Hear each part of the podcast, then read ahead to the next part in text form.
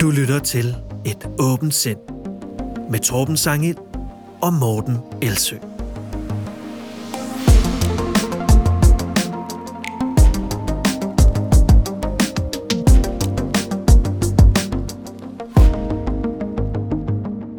Er tilbage igen efter en kort pause, hvor Morten var ude at rejse, og i den her uge, der zoomer vi ind på det, som man kunne kalde for fantomcitater. Det er i hvert fald noget, jeg kalder det. Altså citater, der enten konsekvent bliver gengivet forkert, eller også med den forkerte ophavsmand. Der er efterhånden ingen grænser for, hvad Dalai Lama og Albert Einstein de skulle have sagt, hvis man tager det hele for gode varer. Det gør vi ikke her i et åbent sind. Der tjekker vi, hvordan det præcis forholder sig. Så skal vi ellers tale om øh, fortællinger, der trumfer fakta, om en statistik over danskers tro på konspirationsteoretiske påstande, og om Senior Stampe og om Joe Rogan. Og så skal vi selvfølgelig lege fodbold og fakta, hvor det i dag er Morten, der skal gætte min påstand.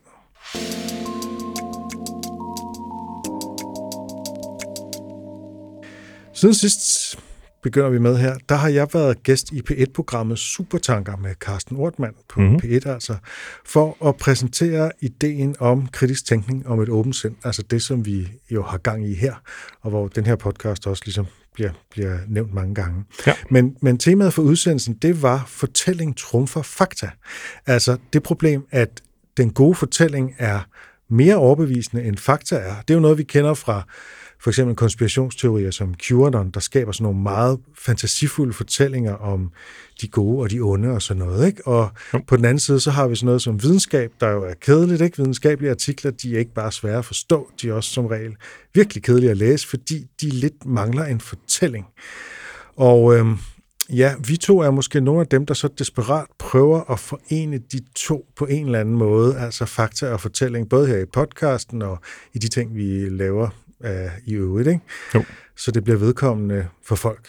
Det er ikke sikkert, det altid lykkes, men øh, det er i hvert fald en, en vigtig mission, synes jeg.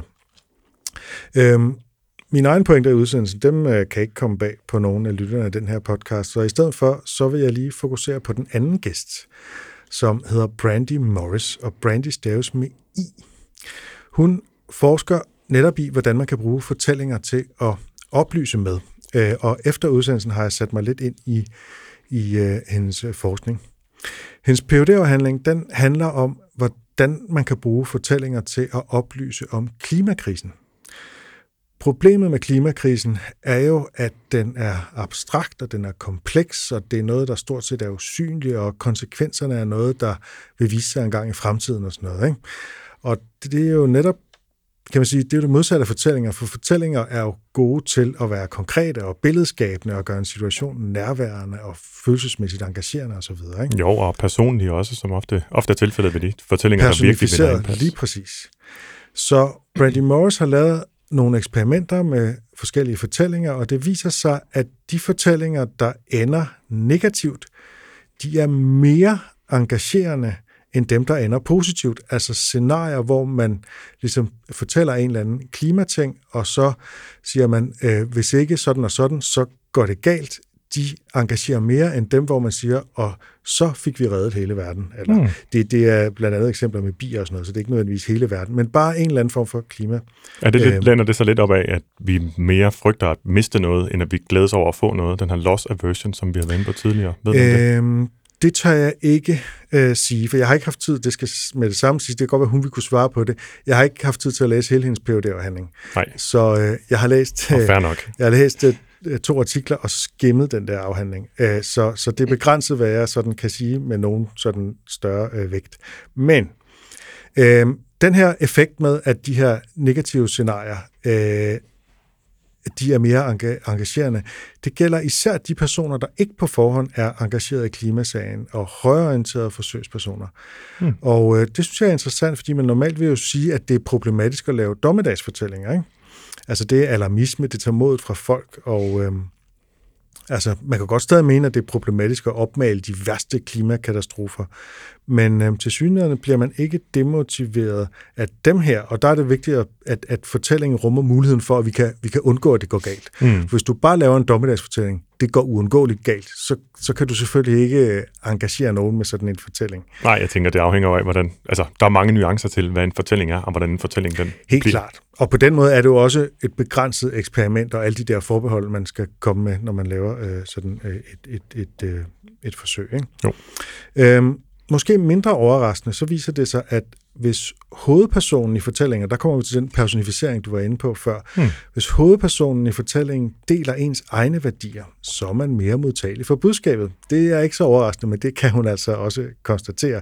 Så hvis man selv er religiøs, øh, øh, øh, eller hvis man selv er liberalist, så hjælper det, at hovedpersonen i den fortælling også viser nogle lignende værdier. Det læner sig jo op af, hvis jeg lige må indskyde sådan en lidt øh, anden kommentar dertil, op af, øh, når man taler med folk, eller har en samtale om et emne, øh, typisk en diskussion på internettet, så hvis ikke man på forhånd har etableret, at man egentlig er enige om nogle grundlæggende værdier, ja, så vil man typisk tilskrive den anden nogle andre, og tro, at man er fuldstændig uenig på et værdimæssigt øh, Ja. plan. Og Så, så, kan man aldrig de siger, det er jo netop det, er jo det, der er testen. Ikke? Du Jo. får to personer til at sige den samme, men den ene siger også, ja, frihed er en vigtig værdi for mig, eller hvad det nu Mhm. er, eller jeg, jeg, øh, øh, min tro er vigtig for mig, eller hvad det nu er for en, en værdi, der er tale om. Ikke? Øh, og, det, så det gør simpelthen mere indtryk på en liberalist, at en anden liberalist siger, at der er et problem med biers overlevelse, eller ja. Ja. hvad det nu er. Ikke? Jo. Og bier er vigtige for økosystemet, osv. osv., osv. Ikke?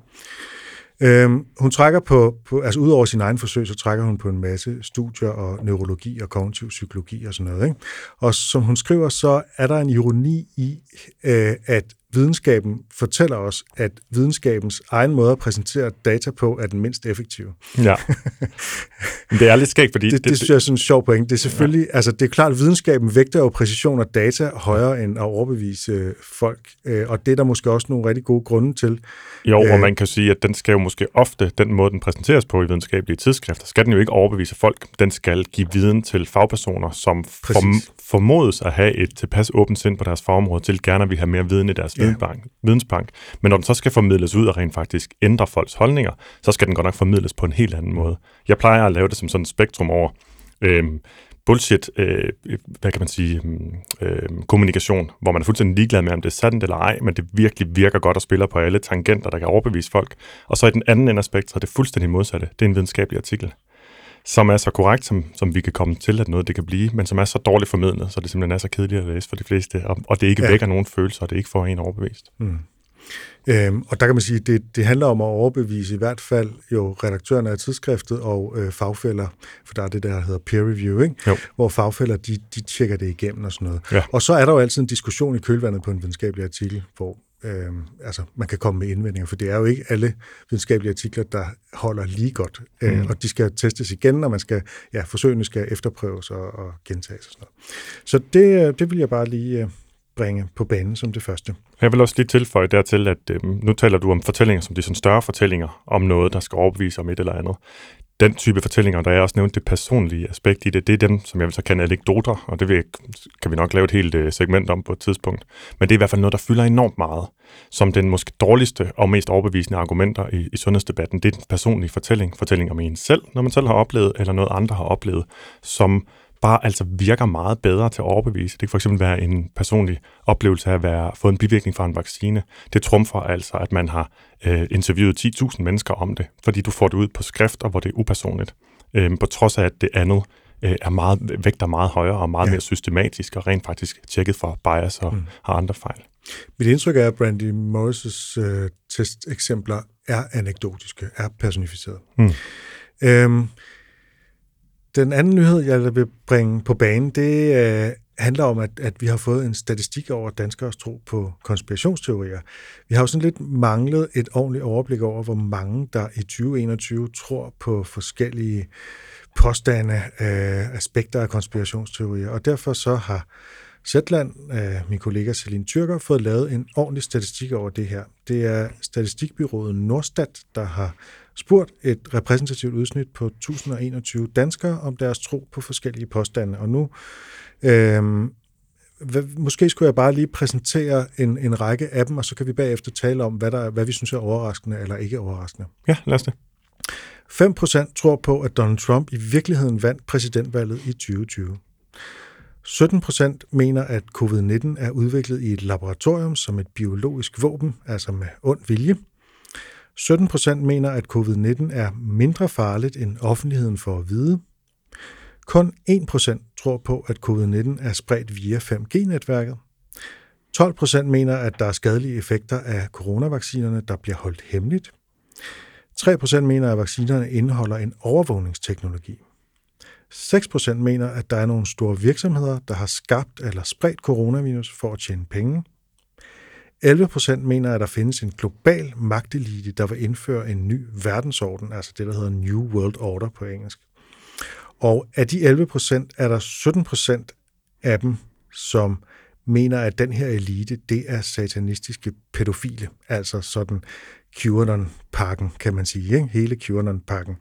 Og det betyder, at omkring 2% af alle danskere, de køber denne her QAnon-pakke idé om, at der er en pædofil satanistisk elite, ja. øh, der mere eller mindre kontrollerer verden. Det kunne være fedt, hvis der var endnu flere med i den der undersøgelse, for jeg kan ikke lade være med også at tænke over, hvad det absolute tal, hvis det er 2% af 1000, så er det 20 mennesker. Øhm, så det er det rigtigt, fald, så der er en masse de... statistiske usikkerheder ved det her, men den er lavet efter de måder, man normalt laver meningsmålingsundersøgelser. Og, og det har jeg ikke øh, forstand til at skulle vurdere. Jeg, kan bare, jeg kommer bare til at tænke på, åh, det kan hurtigt, det kan hurtigt bonge ud i en eller anden retning, hvis man lige rammer bare en lille smule skævt. Så jeg synes, det kunne være fedt, at der bliver lavet endnu flere undersøgelser. Men jeg vil sige, at der er flere tallene, der er noget, hvis ikke alle sammen, en lille smule højere, end jeg havde troet. Kan vi lige tage den, Morten? Fordi det, det, det er jo det her med, at små tal i statistikker øh, har en stor usikkerhedsmarken knyttet mm. til sig. Altså ja. bare lige for at nævne det som en generel regel. Ikke? Når man ser et eller andet 0,1 procent, ja, altså, hvis det er, hvis det er meget få, så, øh, så, så kan det, det tal være, at det kunne lige så vel være 0,0 procent eller 0,3 procent. Mm. Nå. Men ja, tilbage. Hvad synes du er mest øh, overraskende? Ja, altså nu har jeg det ikke liggende foran mig, så nu skal jeg lige Nej, have okay. det sådan i hovedet. Ikke? Men, men, men jeg tænker, at når nu, at staten, altså vi, vi i Danmark har været så veloplyste om vacciners øh, bivirkninger, og der har været øh, den, de her meget åbne sager omkring øh, AstraZeneca-vaccinen og Johnson Som jo Johnson. blev trukket tilbage netop på grund af bivirkninger. Så undrer det mig faktisk, at nu kan jeg ikke huske, var det 17 procent, der mente... Ja, 17 procent mener, at covid-19 er mindre farligt end offentligheden for at vide. Nej, at vaccinerne, at der var skjult, øh, der var flere bivirkninger ved vaccinerne. Der ja, var, 12 procent mener, at det, der er skadelige effekter, der bliver holdt hemmeligt. Ja, og det undrer mig lidt, når nu der ja. har været så åben kommunikation, som vi jo var inde på, og havde et lille segment om, øhm, øh, at, at den jo har været så netop så åben, og hvorfor det er ja. godt for tilliden, som jo er det en af de vigtigste begreber i forhold til at forstå øh, hvad, hvad der påvirker, om man tror på konspirationsteorier eller ej. Så den undrer mig. Det undrer mig også, at Donald Trump alligevel, var det 5 procent, der troede på, at... Øh, ja, at han i virkeligheden vandt præsidentvalget. Men det, det ja. altså, øh, min anekdotiske evidens siger mig, at det især er, er højreorienterede mennesker, som, som støtter Trump meget, som, altså i USA er det jo selvfølgelig et langt højere tal, ja. men, men også i Danmark, at, at hvis du virkelig støtter Donald Trump, så køber du ind på den fortælling, at han jo vandt præsidentvalget, ikke? Jo, men den, det, det er jeg med på. Jeg tror netop det, jeg så synes er lidt højere, end jeg havde troet, det var, at det er 5%, der støtter Donald Trump. Oprindeligt var jeg så naiv, så jeg troede, der ville aldrig være en dansker, der ville støtte Donald Trump. Altså Asger Aumund er jo en af dem, for eksempel. Ikke? Det er med på op, oprindeligt før, øh, ja. før det viste sig, at det overhovedet var en mulighed, at han blev præsident. Men det er jo klart, at, at, hvad kan man sige, at Danmark er jo traditionelt set øh, meget, øh, støtter meget partiet Demokraterne i USA. Mm. Altså fordi dem kan vi bedre identificere os med, de fleste danskere. Men selvfølgelig er der øh, nogen, som meget entydigt øh, støtter øh, republikanerne og også Donald Trump. Mm. Øh, det, som kommer mest bag på mig, øh, på den positive, hvis nu vi skulle, eller ja, positive ud fra vores øh, øh, kritisk tænkning øh, synsvinkel her, ikke? det er, at det er meget få, der tror på, at 5G-netværket har spredt øh, øh, corona. Ikke? Jo, fordi det må jo være trods alt den mest usandsynlige af de påstande, der er der næsten. Så er der den med der Donald er lige Trump. den med de satanistiske pædofile, den synes jeg Jamen, også det, er ret jeg havde ikke liggende foran mig, så jeg kunne ikke lige huske, at der var den. Men den var så også ja. en tand øh, endnu længere nede, var den ikke det? Jo, ja, det er 2 procent. Det, Nå, det er 2%, den er faktisk højere op, faktisk så der er faktisk ja. flere, der tror på den, ifølge ja. den her statistik, med de usikkerheder, som ligger i, i det her. Ikke? Yes, yes. Øh, jeg synes bare, det er interessant, fordi i Storbritannien er det jo en ret udbredt teori, og vist også i Holland, den her med 5G. Ja, okay. Og der er meget modstand, der er mange, der er modstandere mod 5G, men det er jo, der er jo forskel på at være modstander af 5G, fordi man mener, at det er sundhedsskadeligt som noget med stråling mm. og sådan noget, det kan vi tage en anden gang. Men, men, øh, men det er jo ikke det samme, som man mener, at en virus kan blive spredt. Nej, og jeg vil sige, jeg, har, jeg så den i 2020. Jeg synes nærmest ikke, den, jeg synes nærmest ikke, det er dukket op, den idé i 2021 overhovedet. Så det var sådan en, der havde en peak, og så lukkede igen, fordi der er kommet mange andre påstande. Så for mm. mig undrer det, altså det undrer ikke mig, at den er meget, meget lidt udbredt. Øhm, der har været mere fokus på det andet, og der har været flere påstande. Øhm, og der er jo, øh, hvis ikke store, så i hvert fald Ja, det ved jeg sgu ikke, hvordan man vurderer det, hvor, hvor store de er. Men der er der i hvert fald nogle fællesskaber, hvor man konstant øh, bliver ved med at sparke, det, altså puste liv i den her myte om de sataniske øh, fællesskaber, der skulle stå bag. Øh, den her med, at covid-19 er udviklet som et biologisk våben, det er der 17 procent, det er et meget højt tal. Ja. Det kommer ikke så meget bag på mig, fordi øh, jeg tror, at mange, og det oplever jeg også i diskussioner, folk forveksler to forskellige teorier. Et er, at den fejlagtigt er kommet ud af laboratoriet, som er noget andet, end at nogen med vilje har sluppet den løs som et biologisk våben. Ikke? Jo. Øhm, øh, det pågældende laboratorium i Wuhan, altså de, de øh, øh, undersøgte forskellige øh, coronaviruser og flagermuseviruser og det ene og det andet. Ikke? Øh, og derfor er der en hypotese, som endnu ikke er sådan enormt underbygget, men som, som flere og flere mener, at vi er nødt til at tage alvorligt, øh, som handler om, at der, det kan være der, at, at den stammer fra på den ene eller den anden måde. Ja. Øhm, men det er ikke det samme som, at der har været en eller anden ondsindet plan, som jo er den konspiratoriske udgave. Ikke? Jo. Det er, at det, det var et biologisk våben. Og, der, og det er ikke for at kritisere undersøgelsen, det er bare for at forholde mig generelt kritisk til. Der skal man også huske, hvor hurtigt, hvor lang tid bruger man på at svare på sådan et spørgsmål. Jeg tog lige en spørgeskemaundersøgelse i et DSB-tog på vej fra Aarhus. Og altså, jeg bruger ikke lang tid, jeg skal bare vurdere på en skala. Altså, jamen, det er nok her omkring. Og så tager det, jeg det tager flere timer at køre fra Aarhus til København. Ja, men brugte ikke lang tid på den øh, undersøgelse. øhm, så, så, så det skal man også, som du selv er inde på, det kan jo godt være, at der er noget spillover fra nogen, der bare har læst nogle artikler om, at vi jo faktisk skal tage den her hypotese med, at det er noget, der er blevet skabt, måske ikke nødvendigvis med ond vilje, men er blevet skabt i laboratoriet og, og er kommet, kommet fri derfra. Og det synes jeg ikke, man behøver at være vildt konspiratorisk tænkende for at tænke, fordi det har der været mange seriøse artikler, der har sagt, hey, vi kan ikke lukke ned for den her, fordi det er faktisk ikke blevet endeligt tilbagevist.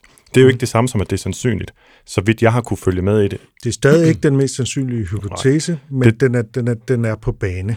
Og så er der også det generelle element i, at jeg tror, der er mange, som har en måske sund skepsis over for den information, der kommer ud fra Kina, fordi der er en kontrol med informationen derfra, og som er styret det har man, Det vil jeg sige, det, det har man ret god grund til at have, fordi der er jo, altså, at der er alt muligt. Øh, lad os ikke gennemgå, hvad Kina er for en størrelse, men øh, måden, som, som, øh, som, som den kinesiske regering kommunikerer ting på og, og hemmeligholder ting på, det, mm. det ved vi jo altså nærmest som et faktum. Så derfor så ser jeg ikke, at der er, var det 17 procent, der troede på det.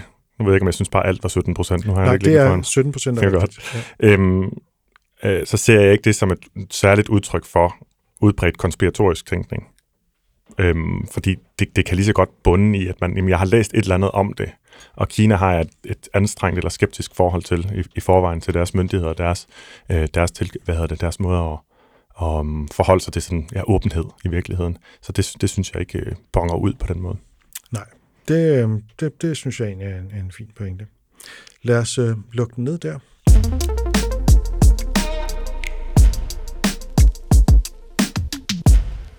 Så øh, dykker vi lidt ned i feedet, i øh, feedet på de sociale medier, mm-hmm. hvor øh, Senja Stampe har været på bane, og det er noget, du vil fortælle om, Morten. Ja, øh, det var lige inden jeg tog på ferie, så det er jo ikke sådan helt nyt øh, længere. Jeg tror, at første øh, opslag, øh, der, der ligesom gav anledning til, til, til den snak, som vi skal til nu, det kom ind den 24. august, som lagde ud med, hvor Senja Stampe, som er øh, folketingsmedlem for Radikale Venstre, ja øh, hvor hun lægger ud med at sige, øv, nu skal jeg fortælle jer noget, der gør mig ærgerlig og vred.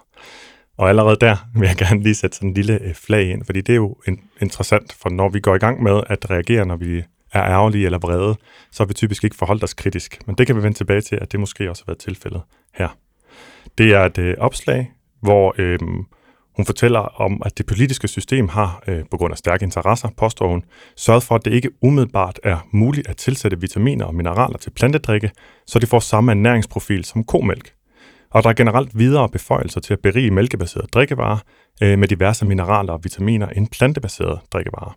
Så det er et opslag, hvor hun henviser til øh, et LinkedIn-opslag fra direktøren for en plantedrik virksomhed, øh, som hun har talt med. Og han er træt af, at de har fået en bøde for at sælge et produkt, der aldrig er blevet godkendt til salg i Danmark. I øvrigt kan jeg så læse det der blogpost. Øh, noget, som alle nye øh, fødevarer skal, for at sikre imod, at der kommer sundhedsskadelige fødevarer på markedet. Men han skriver også der i, der påstår han, at der kommer tilsættes 66,7 mg calcium per 100 ml til drikke, der ikke er mælk. Og den påstand går Senia Stampe videre med, øh, og, og det skal selvfølgelig siges, at det her det er affødt af en interesse i, at der skal være mere plantemælk tilgængelig, eller plantedrikke, undskyld, som erstatning for øh, mælk. Og de derfor skal ligestilles på det her felt? Ja, skal ligestilles, så det, det er nemmere at komme til. Det er nemmere at få de næringsstoffer, man har brug for derfra, ud fra et klimamæssigt hensyn, fordi øh, mælk, mælk og mælkeprodukter har en, en høj klimabelastningsprofil, kan man vist godt sige. Øhm, så kommer der en reaktion fra øh, Landbrug og Fødevare, eller Mejeriforeningen, som vist ligger under Landbrug og Fødevare, som er noget øh, fortørnet over, at hun har skrevet det, og som lidt truer med, at nu går de til medierne, fordi hun har sagt noget, der er forkert. Og hun vil så prøve at komme lidt mere til bunds i sagen. Og det er jo dejligt, og skriver også selv, senere på sin Facebook-profil, at, øh, at hun jo ikke er for stolt til at berigtige, hvis der er noget øh, misinformation i det, hun har øh, ja, i det, hun har, i det, hun har udbredt herfra. Hun siger så også, at de sagde, at den kritik, altså Landbrug Fødevare, de sagde, at den kritik, jeg kommer med mit opslag, og som jeg baserer på en samtale og et indlæg fra en CEO for en etableret producent af plantedrikke, var forkert. Jeg fortalte, at jeg selvfølgelig gik ud fra, at informationerne var rigtige, da de kom fra en troværdig kilde, men at jeg vil undersøge det og selvfølgelig ændre opslaget, hvis det var forkert. Torben, synes du, det er en troværdig kilde til information, sådan, øhm, til at, at få information fra en producent af plantedrikke, når det handler om lovgivning på, på mælk- og plantedrikkeområdet? Det var et ledende spørgsmål, Morten. Men øh, så lad mig angribe den lidt et andet sted fra, nemlig at jeg tror, vi alle sammen kunne falde i den her fælde, altså at tale med en overbevisende person. Ikke fordi vedkommende er producent af plantedrikke, som var sådan, du præsenterede ham lige nu, men fordi han har en problematik inde på livet, den her direktør. Mm. Han har selv stået i suppedasen. Ja. Der, og når folk selv har stået i suppedasen, hvis han bare var ligesom var en eller anden plante eller andet øh, lobbyist, men han har selv stået i suppedasen og har skrevet om det, og det, han har haft det inde på livet, så regner man med, at så ved man godt, øh, så har man styr på, hvad man må og hvad man ikke må, fordi man har selv ligesom erfaring med det. Ikke? Jo. Han har, det er ham, der har problemet. Ikke? Øhm, men det er klart, at når man, øh, når man er politiker og vil gå til kamp for at få ændret en lovgivning, så har man et ekstra ansvar for at tjekke, hvad loven siger. Og når man arbejder på Christiansborg, så kan man få alle informationer om en bestemt lovgivning. Det har man folk til at tjekke. Det tager bare noget tid.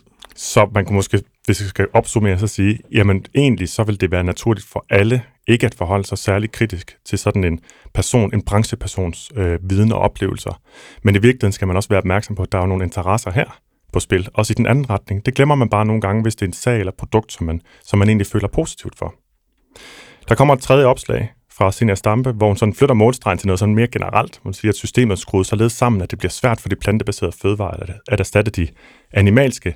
Men hun står også fast og siger, nu har hun sat sig grundigt ind i tingene, og siger, at Landbrug og Fødevare og Mejeriforeningen tager fejl. Hun deler et billede af en tabel, en tabel fra den nyeste bekendtgørelse om tilsætning af vitaminer og mineraler til fødevarer. Og hun påstår, at den viser, at plantedrik ikke må have det samme næringsindhold som mælk. Men det viser den bare ikke. Og jeg kiggede meget på den tabel og sagde, at jeg kan ikke forstå, at det må være mig, der tager fejl, tænkte jeg først. Fordi jeg gik ud fra, at der er et embedsværk bag, at hun laver sådan et opslag. Men jeg kiggede igen og igen, og der står for eksempel, at plantebaserede alternativer til mælk må tilsættes 120 mg calcium per 100 ml, og det svarer altså direkte til indholdet i mælk, som man var inde og slå op på DTU's database. Og at man må tilsætte lige så meget D-vitamin, som man må tilsætte mælk. Hun henviser så til, at plantebranchen gerne vil have, at man kan tilsætte det samme til vegetabilske alternativer til mælk, som man kan tilsætte til mælkebaserede drikkevarer. Men det tyder på, at både plantebranchen, som hun kalder det, som bliver, det bliver omtalt her, og Senior Stampe har forvekslet mælkebaserede drikkevarer. Det er for eksempel drikkejoghurt og kakaomælk og proteindrik, som man øh, ikke drikker i samme mængde som mælk jo, med ren mælk. Og det er jo det, de vegetabilske alternativer gerne vil ligne rent ernæringsmæssigt. Altså vegetabilske alternativer til mælk er et alternativ til drikkemælk, ikke til mælkebaserede produkter, som er nogle ja. andre mere sådan koncentrerede eller bearbejdede eller ja. forarbejdede produkter. Er du med på det? Er det med. mening. Jeg ved yes, godt, det kan være mening. lidt snørklet. Ja. Som hun selv citerer Fødevarestyrelsen for at sige, Fødevarestyrelsen vurderer fortsat, at der er et andet indtagsmønster for de vegetabilske alternativer til mælk end mælkebaserede drikkevarer. Fødevarestyrelsen mener ikke, at de to produkttyper er sammenlignelige, hvorfor der uundgåeligt vil være forskel i tilladelserne til tilsætning af vitaminer og mineraler. Det forklarede jeg så også på Twitter, øh, hvor jeg i samme ombæring taggede DR's Detektor, og Andrea Dragsdal fra Detektor svarede, at vi er i gang. Jeg taggede også Cynthia Stampe, øh, som responderede rigtig fint og sådan åbent. Om det vil jeg egentlig gerne vide og forstå det her. Hvilket jeg gerne vil rose for, fordi det er så meget undtagelsen, snarere end reglen, at man tager øh, sådan berigtigelser og korrektioner ind, især når man sådan er midt i noget, som er vigtigt, og som politisk betyder et eller andet. Så kommer der et fjerde opslag, hvor Landbrug Fødevare undskylder for at være for fremfusende, og det er jo så fint. Og så kommer det femte opslag, hvor øh, Sina Stampe deler detektorartiklen. Desværre fylder, der hvor hun indrømmer, hun har taget fejl, meget, meget lidt. Og så kommer der en meget sådan lang svagte om, hvor vigtig den her sag den er. Og det ærger mig lidt. Jeg kan sagtens forstå det. Øhm, fordi sagen måske kan være vigtig. Det har vi bare ikke rigtig fundet ud af, om den overhovedet er. Altså om der i virkeligheden er en sag. For det er jo sådan, at mens det er nemmere for mælk selvfølgelig at indeholde de næringsstoffer, det gør, fordi det er der fra starten, og det har været godkendt som fødevare i lang tid, så er det jo hver eneste gang, du skal, du skal have nye fødevarer på markedet, så skal de forbi Fødevarestyrelsen. Og når du laver noget, hvor du bygger det op, som det jo er, de her plantedrikke er jo en forarbejdet fødevare, hvor du sammensætter forskellige elementer, men så skal du have godkendt, at der ikke er noget, der overskrider nogle tærskelværdier. Og tærskelværdier afhænger af, hvor meget du drikker af det, så handler jo netop også om indtagsmønstre. Men hun siger, at Detektor har nu undersøgt sagen om tilsætning af vitaminer og mineraler til plantedrik, og sagen er mere nuanceret, end jeg kan udtryk for i mit første opslag. Som altså indeholdt forkerte påstande, tilføjer, tilføjer jeg. Men jeg fastholder min hovedpåstand om, at der er en forskelsbehandling mellem mælkebaserede og plantebaserede produkter, og at de udgør en barriere for, at de plantebaserede produkter kan blive fuldgyldige alternativer til mælk og mælkebaserede produkter. Det er lidt ærgerligt, som sagt, synes jeg, at hun fastholder det i den her sammenhæng, for det har ikke rigtig noget med mælkealternativer at gøre. Det handler jo om, at alle nye fødevarer skal godkendes, som sagt. Øhm, og det burde ingen jo være imod. Det er dejligt, at hun afslutter med, at uh, til sidst vil jeg gerne takke Detektor og andre overvågne aktører. Jeg føler jeg jo lidt, får en lille ros for at holde mig og, øhm, og altså andre folkevalgte. Du er blevet ja, det synes jeg. Det synes jeg. Og det er, jo, det er jo dejligt, at der kan være den tone, når vi snakker om tonen i debatten tit. Ikke? Det synes jeg nu. Der kommer en, hvad ja. ligner der på rigtig ros. Altså for at holde mig og andre folkevalgte i ørerne, som hun skriver, det disciplinerer, at man ved, at der er nogen, der kigger en efter i sømmene. Og det er jo en god pointe. Men jeg havde lidt ønsket, at hun har holdt sig til at lægge sig fladt ned i første omgang og erkende, hvad der var gået galt i hendes tænkning, og hvordan hun ville undgå det fremover. Det er selvfølgelig et totalt ønsketænkning, men det er fordi, jeg ser politikere som rollemodeller, og det er de, om de vil det eller ej. Og hvis de er gode til at gøre det, så vil andre blive bedre til det. Det der er i hvert fald rigtig meget, der tyder på. Ja. Og så kunne hun derefter lave et eller andet opslag, om hun gerne vil fremme brugen af vegetabilske alternativer til mælk, og se på, hvordan man kunne, man kunne gøre det. Det synes jeg kunne være fedt at få det delt op på den måde. Og jeg vil sige, at jeg synes, at politikere i hvert fald må være rollemodeller i forhold til at forstå den danske lovgivning. Ja, det kan du have ret i. De skal kritisere den, ikke? Jo. Og det er jo igen, igen et eksempel af, det er jo den tilbagevendende moral i den her podcast, at rigtig mange fejl bliver begået, både af os selv og af, os, af andre, fordi vi har for travlt. Ja. Og hendes egen konklusion, det er ikke, at hun skulle have ventet med sit Facebook-opslag, til hun havde tjekket lovgivningen, men at hun skulle have sat et forbehold ind om, at hun ville undersøge det. Ja. Øh, det er jeg ikke helt enig i, at den rigtige vej at gå. Og det, jeg nej. kan godt forstå, at man kan føle, at man har travlt. Men det talte vi om lige inden vi fik tændt mikrofonerne også. Jamen, hun skulle nok have ventet og fået mm. det tjekket inden, fordi når først en forkert påstand er kommet ud, så, så, så forsvinder den aldrig rigtig igen, som vi også har været inde på. Præcis. Ja. Øhm, der er sådan et par generelle pointer måske at hente ud. Det er jo ikke for at være efter øh, Senior, at hun er, altså der er, alle kommer til at træde ved siden af på den her måde. Jeg synes, der har været nogle fine erkendelser undervejs. Men det er sjovt også at lægge mærke til, hvor ukritisk vi kan være over for industrier, som det altså stadig er. Dem, der laver plantedrikke, er jo også industrier. Men når vi selv anser dem som gode, så forholder vi os ikke kritisk til dem, så forholder man sig meget kritisk til nogen, som man anser for dårlige. Man kan også se i øh, kommentarsporene, at der var ingen, der forholdt sig kritisk næsten. Der var meget stor støtte til det, der blev sagt, og meget lidt kritisk forholden sig til det.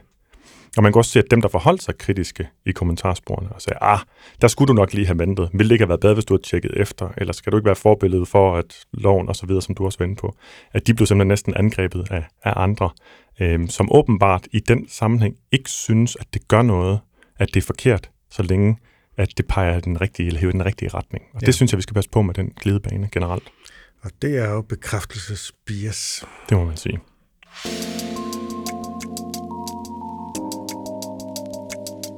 Noget andet, der er sket i feedet siden sidst, øh, det øh, angår Joe Rogan. Mm-hmm. Og øh, det skal vi tale om nu. Øh, jeg vil begynde med at præsentere ham, og du kan jo bare løbende supplere, Morten, og så, mm. så taler vi om, hvad det er, der er den aktuelle sag. Men altså, Joe Rogan er en amerikansk stand-up-komiker. Han har aldrig sådan rigtig været blandt de bedste, men han har sådan set levet fint af det. Han har udgivet en række shows, som er okay. Hans stil, den er sådan lidt øh, macho, kan man sige, og i hans tidlige show fra 2000, der er han også sådan lidt øh, hyggehomofobisk, vil jeg nok kalde det, øhm, øh, og erklærer også, at han tror på aliens. Men i showet fra 2011, der har han ændret sig og, og rander faktisk mod homofober øh, og mod kreationister. Han er, han er på mange måder en ret tvetydig skikkelse, også politisk, øh, hvor det nærmeste, man måske kan kategorisere ham som, det er libertarianer, altså sådan ekstrem liberalist, ikke? også på værdipolitik. Jo, og så, så har han jo han har en stor grad af selvivni med, som de fleste stand-up-komikere også har. Det så har han, han. kan jo også godt nogle gange gå lidt for langt, og så sige, hey, ja, men det er også bare, fordi jeg er en idiot. Ja. Øhm, og det har han sådan en, en måde at falde tilbage på, så vidt jeg har set i, i hans shows også. Og det er måske også betegnende, at hans, øh, hans øh, største mærkesag politisk, det er, det er fri hash, ikke? Mm-hmm. Øh, hans store gennembrud kom, da han lavede øh, sin podcast The Joe Rogan Experience, som han egentlig har lavet siden 2009, men øh, i begyndelsen fik den ikke så meget opmærksomhed. Det var først i 2015, at den for alvor blev et hit. Og i sidste år, i, i 2020, der lavede han så en eksklusiv aftale med Spotify, hvor han får omkring 100 millioner dollars for at lade alle afsnit af sin podcast ligge eksklusivt på Spotify. I podcasten, der har han øh, gæster, som han snakker med rigtig længe, gerne to-tre timer, og øh, netop den her længde, det er også grunden til, at jeg aldrig rigtig har fået hørt den, kun sådan i uddrag.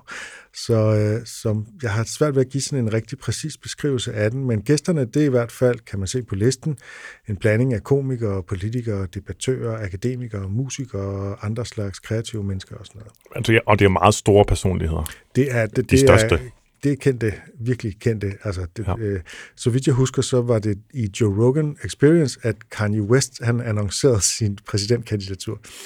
Nå, hvad skete? Øhm, og jeg kender flere, der lytter til den her podcast med stor fornøjelse, og som, øh, som har, åbenbart har mere tid, end jeg har. Øhm, I hvert fald allokerer den anderledes, må vi konstatere. nu er der så sket det, at Joe Rogan har fået corona, og vi skal lige høre et klip fra hans Instagram-profil. Hello, friends. So, I got back from the road Saturday night, feeling very weary. I had a headache, and I just felt just run down. And just to be cautious, I separated from my family, slept in a different part of the house, and throughout the night, I got fevers and sweats, and I knew what was going on. So, I got up in the morning, got tested, and turns out I got COVID. So we immediately threw the kitchen sink at it. All kinds of meds, monoclonal antibodies, uh, ivermectin, Z-Pack, uh, prednisone, everything. Ja, Morten, øh, det er jo, øh, corona er jo et emne, som han før har talt om i podcasten, som han så nu har fået. Ja, og derfor så har det fået ret stor opmærksomhed. Det har det jo selvfølgelig alligevel, fordi han har vildt mange følgere. Øhm, Jeg ved ikke, hvor mange følgere han har på Instagram, men han har jo 11 millioner lyttere, så det giver sådan lidt et, Af podcasten, ja. af podcasten, så det giver sådan lidt en fornemmelse af, hvor, hvor mange der følger med. Men han har haft, øh, før corona, har han altid haft sådan lidt en tendens til at fremme pseudovidenskabelige øh, påstande inden for sundhed, sådan især ernæring og, og træning, øhm, hvor han er gået lidt i nogle ekstreme retninger og er meget vild med masser af kosttilskud. Tager jo også selv øh, hormone replacement therapy, som jo altså er steroider, måske ikke i så store doser som øh, Det skal bodybuilder. siges, men- han er ret veltrænet, han er ret buff, Ja, er han, han. træner. Han ligner ikke en, der er 54 år, må man også erkende, som han jo er. Men han og synes jo, at han er i fantastisk form og har det fantastisk ellers. Øhm, men han har også, øh, det, det har jeg jo set før, det her med, at hvis først man er lidt til den pseudovidenskabelige retning på sådan kost- og ernæringsområdet, så er man også åben for de lidt mere alternative øh, coronaberetninger. Og det er også det, der har været tilfældet. Jeg har heller ikke hørt hans podcast. Jeg har læst meget øh, om den, og så har jeg fundet ud eller set det ikke hver gang, men ofte, når der har været nogle gæster inde, som repræsenterer et fringe, øh, som på kanten synspunkt, i stedet for øh, det, som de fleste fagpersoner er enige om. Han har lavet nogle corona-relaterede påstande, og de kommer jo i de her meget lange podcasts, så det er jo noget, der ligesom er klippet ud, og der kan være masser af nuancer med, men han har i hvert fald sagt sådan noget med, at vaccinerne i virkeligheden er en slags genterapi, Øh, underforstået, at de kan ændre vores arvemateriale, og det kan altså ikke lade sig gøre. Øh, det, den måde fungerer de ikke på, det kan simpelthen ikke lade sig gøre. Og øhm, det har været sådan en, ja, en påstand, som har floreret ret meget. Det var den første vaccinepåstand, jeg selv øh, forsøgte at håndtere øh, på Facebook. Øhm, han har også sagt, at, øh, vac- at vaccinering nok øger risikoen for skabelsen af værre varianter, altså værre varianter af coronavirus, på at give sådan et selektionspres. Øhm, det passer heller ikke, i hvert fald ikke sammenlignet med, hvad vi vil se, hvis vi bare lader vaccinen ligesom udbredes i samfundet, fordi mere spredning, det øger sandsynligheden for mutationer, og vacciner, de sænker altså spredning, også selvom man nogle gange godt kan spredes, selvom man er vaccineret. Så den bedste måde at forhindre skabelsen af nye og stærkere varianter, det er ved at vaccinere så mange som muligt. Det er som i hvert fald det, langt de fleste forskere de er enige om. Så har han også haft lidt øh, modstand mod øh, masker, og der har vi faktisk et øh, klip øh, mere, hvor han har en gæst ind, der hedder Bill Burr. Jeg ved ikke, om du lige vil fortælle Jo, om ham. Du er jo ekspert Bill Burr- i øh, stand-up-komiker. Ja, og Bill Burr, han er en af de helt, helt store amerikanske stand-up-komikere. Han er, øhm, han, er, han er meget, meget dygtig, meget sjov, og han er også sådan lidt en komikernes komiker. Altså, han er mange komikers, danske komikers favoritkomiker. Øhm, Jeg synes han er også, han er hyldende morsom. Han er, han er også virkelig god, og han er virkelig hurtig, og han er, han er meget... Altså, hans, hvis man skal sige, hvad hans varemærke er, så er det at sige tingene præcis, som han mener det. Han, tager, han er ikke noget bullshit. Han går bare lige på, uanset hvem han træder over tæerne. Og øh, det gør han så også i det her klip, hvor han er gæst hos Joe Rogan. in and out of the You house. want people to walk down the street with a mask on? Let's not start this, John. Do you though? Let's not start this. Okay. Let's let's start it. I, I don't want to start this bullshit. I'm not going to sit here with no medical degree, listening to you with no medical degree, with an American flag behind you, smoking a cigar, acting like we know what's up better than the CDC. All I do is I listen. I watch the news once every two weeks. I'm like, eh, eh, mask or no mask? Still mask? All right, mask. That's all I give a fuck about. I just love how wearing a mask became like this fucking like soft thing that you were doing, like Yeah, being courteous. Being courteous. What is it for bitches? That, that was so says you're wearing a stupid. mask. First of all, Oh not- God, you're so tough with your fucking open nose and throat. Gee, Joe, and your five o'clock shadow.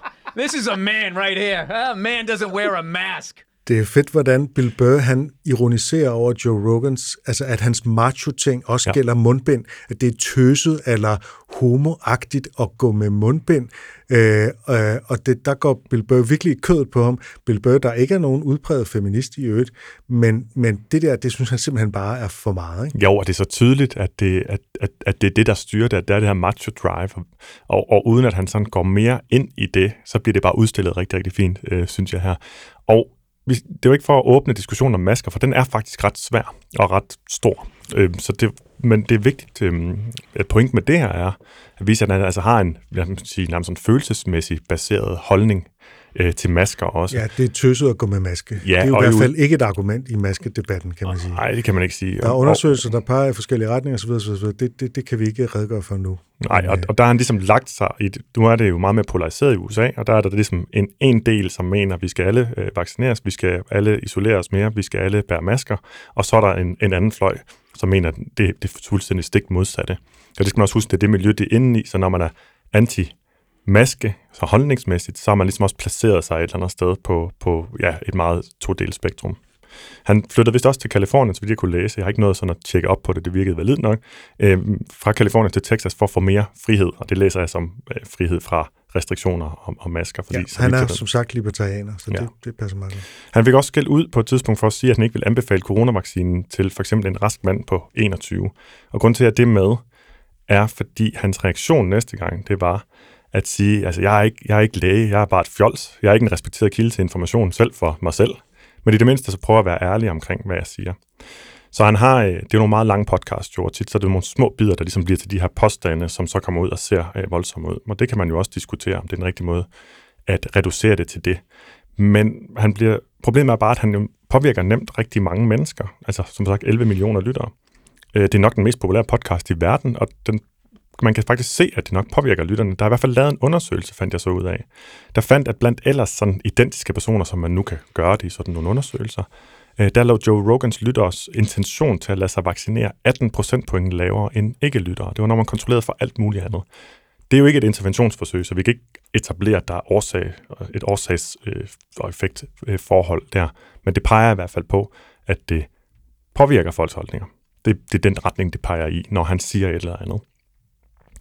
Øhm, og det bringer mig så til det første klip, hvor han slutter af, hvor han jo siger, at de har, han tager en masse forskellige medicamenter. Nu er han, hvor han har fået corona. En af de ting, han nævner, det er ivermectin. Ivermectin på. Ivermectin, Jeg har ja. stadig svært ved at vende mig til det danske ord ivermectin. Det er lyder, skægt. det lyder mærkeligt. Jamen, jeg, jeg er nok vant til med det samme at oversætte sådan nogle ord til dansk ind i, ind i hovedet, fordi jeg tænker, at jeg nok bliver nødt til at skrive om det på et tidspunkt. Så ja. hvad er uh, ivermectin? Ja, men ganske sådan kort fortalt, som jeg forstår det, så er det sådan antiparasit-medicin, øh, som er ret effektiv. Det bruges rigtig meget i dyr. Det er god, godkendt til brug mod øh, fnat hos mennesker, og også øh, rosacea, som er sådan en hudsygdom, øh, på recept. Øh, det bruges mod parasitter, for eksempel sådan nogle øh, hjerteorm, hjertelungeorm, tror jeg også, det hedder i dyr. Jeg er, har ingen forstand på dyrmedicin, så det er sådan ligesom min viden. Men må jeg lige indskyde, at når det bliver brugt til især køer og heste, som sådan en ormekur især, så bliver det givet i nogle helt andre og langt større doser, end dem, som man giver til mennesker for for eksempel fnat. Ja. Fordi de dyr jo er så store, så de kan tåle mere, og det er ret afgørende i den her sammenhæng. Det er det, ja. Fordi der er jo selvfølgelig ikke, hvis man giver det samme dosis til mennesker, så vil det være meget højt, og der er ikke sikkerhedsstudier, derfor var det ikke testet i, i de doser til mennesker. Men det er for testet i forskellige studier til mennesker, fordi man så i in vitro-forsøg, øh, som simple forsøg på, på øh, øh, ikke i dyr, men altså simpelthen bare på, på celler, så vidt jeg husker det i hvert fald, der så man, at det kunne blokere noget øh, viral øh, replikation, altså det kunne, det kunne have en effekt på SARS-CoV-2-virus, som er den, der ligger bag øh, covid-19. Øhm, men der er altså, det er altså testet forskellige studier af mennesker i hospitals sammenhænge, øhm, og de fleste de finder ingen effekt.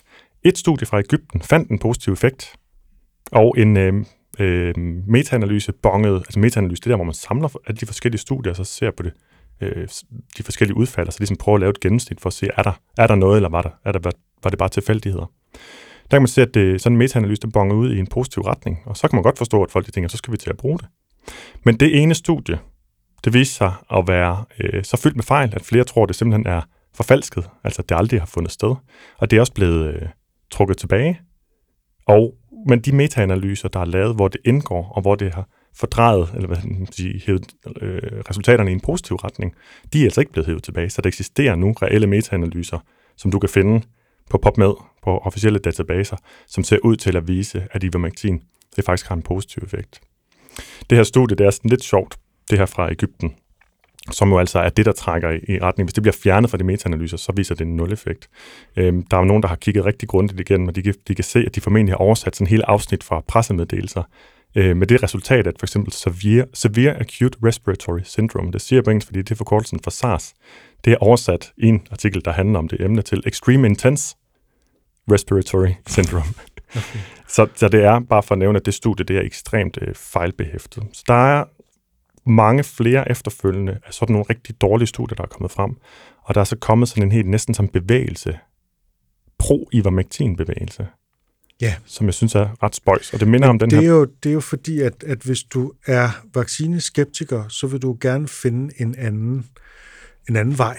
Og hvis der så er bare det mindste lille fli af et tegn på, at et eller andet stof, det kan øh, øh, måske kan hjælpe mod corona, så vil du kaste dig over det og promovere det meget intenst, som det er blevet gjort med det her. Ikke?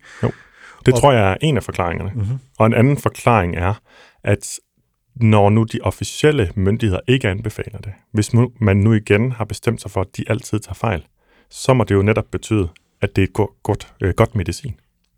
Altså med den logik, så skal vi jo tage stryknin og, og alle mulige gifte. Og men det eksisterer jo. Du kan jo. Der er jo blevet promoveret, at du skal tage vitamin B17 mod cancer for eksempel, og det er cyanin. Okay. Ja. Eller i hvert fald baseret på, på det samme, noget der minder om.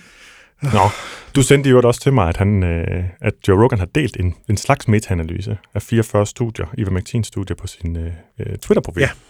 Og det er lidt sjovt. Jeg har set nogle danske profiler dele den, fordi der er også igen, der er så næsten en bevægelse, der hænger meget på, at ivermectin det er et mirakelmiddel. Ligesom der tidligere var med det, der hed hydroxychloroquin, som så ikke er lige så populært at tale om længere, men som Donald Trump jo ja. Også fik sagt var et mirakelmiddel, nok også for bare at kunne sige, at vi har den her pandemi under kontrol lige om lidt. Øhm, men den metaanalyse, den har jeg som sagt set før. Og øh, den er fra en side, der hedder ivmmeta.com, og det ser enormt videnskabeligt ud. Det er sådan meget tørt, og det er meget listet op, og der er grafer og så videre. Øhm, så, så det ser ud som om, ja, at det er videnskabeligt, og det er korrekt. Det er det bare ikke.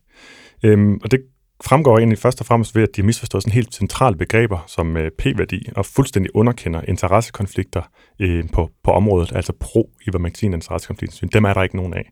Det er en lidt et øh, faresignal, at man ikke forholder sig kritisk til det. Og kigger man nærmere som den australske epidemiolog Gideon Majorovich Katz, det er lidt svært at sige, øh, har gjort, så kan man se, at det slet ikke er en metaanalyse. Fordi, som jeg nævnte, så i en metaanalyse, der sammenholder man resultater fra sammenlignelige studier, altså studier, der måler på det samme, som for eksempel dødelighed, og så prøver man at få en gennemsnitlig værdi ud. Men i den her såkaldte metaanalyse, der sammenlignes øh, studier, der tester helt vidt forskellige ting. Det kan være dødelighed, hospitalsindlæggelseslængde, øh, viral load, altså mængden af virus, der hvor man tester, symptomer eller andet. Øh, og hvad er nu så dem, der har lavet den her analyse? De har selv valgt, hvilke parametre de bruger for de forskellige studier. Det er sådan særlig, øh, og for mig sådan en ny form for cherrypicking, altså hvor man vælger det ud, der understøtter, men ignorerer ja. alt det andet. Jeg har aldrig set det før. Så de har bare taget alle de studier, der har været på området, og så har de bare valgt de resultater, de har plukket derfra, som ser ud til at have den mest positive effekt. Mm. Øhm, og det er datamanipulation. Og et endnu dybere dyk yeah. viser så, at de studier, der ikke fandt nogen fordel ved, eller flere af de studier, der ikke fandt nogen fordel ved ivermectin overhovedet, de er inkluderet i metaanalysen, som om de har vist et, et kæmpe positivt resultat. Jeg ved ikke, hvorfor. Jeg, jeg har ikke forstået endnu, hvorfor der er nogen, der gør så meget for at fremme det her medicin, for det er ikke medicinalindustrien selv. Fordi øh, Mærk, som øh, er medicinalgigant, der producerer ivermectin, de har selv været ude at lave en, en udtalelse, hvor de siger, at der ikke er videnskabelig basis for en potentiel terapeutisk effekt af ivermectin mod covid-19.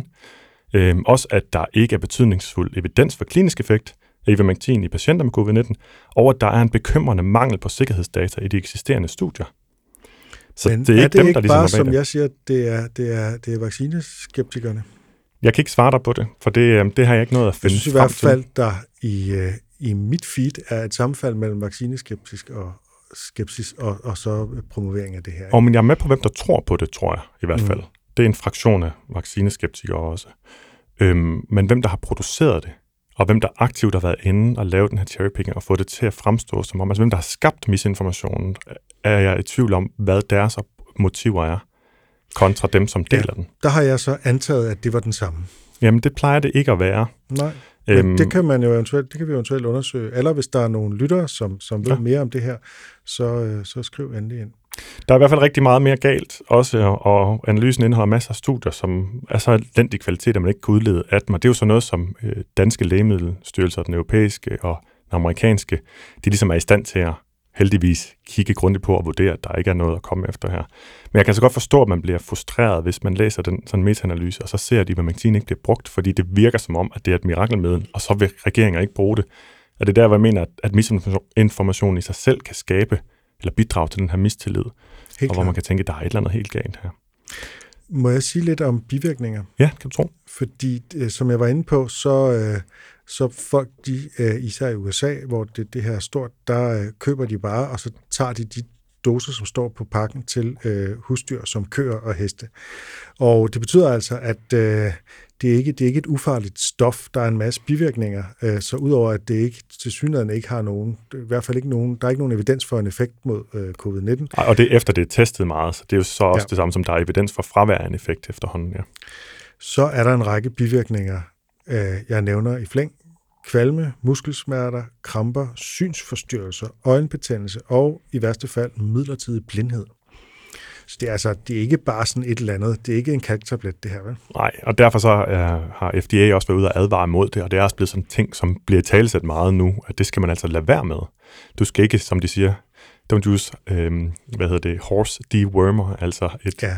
et ormemiddel til heste. Til heste ja. Ja, det, det, det skal du nok lade være med. Og det er der selvfølgelig nogen, der joker med, og samtidig også øh, øh, korser sig lidt over, at, øh, at det overhovedet er nødvendigt at sige, at det kan jeg sådan set øh, godt forstå. Men igen, den anden, det andet perspektiv kan jeg sådan set også godt forstå, for det er meget overbevisende meget det, der kommer ud omkring det.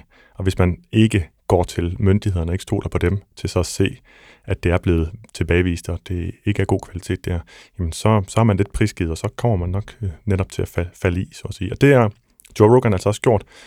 Og det, at han siger det bare i en sætning i sådan en video der, det er altså potentielt nok til at påvirke endnu flere til at vælge det til, også i stedet for vacciner. Og derfor er det, er det relevant, når man er så stor en person, som, som han er, i hvert fald i forhold til, hvor meget opmærksomhed man får. Bestemt.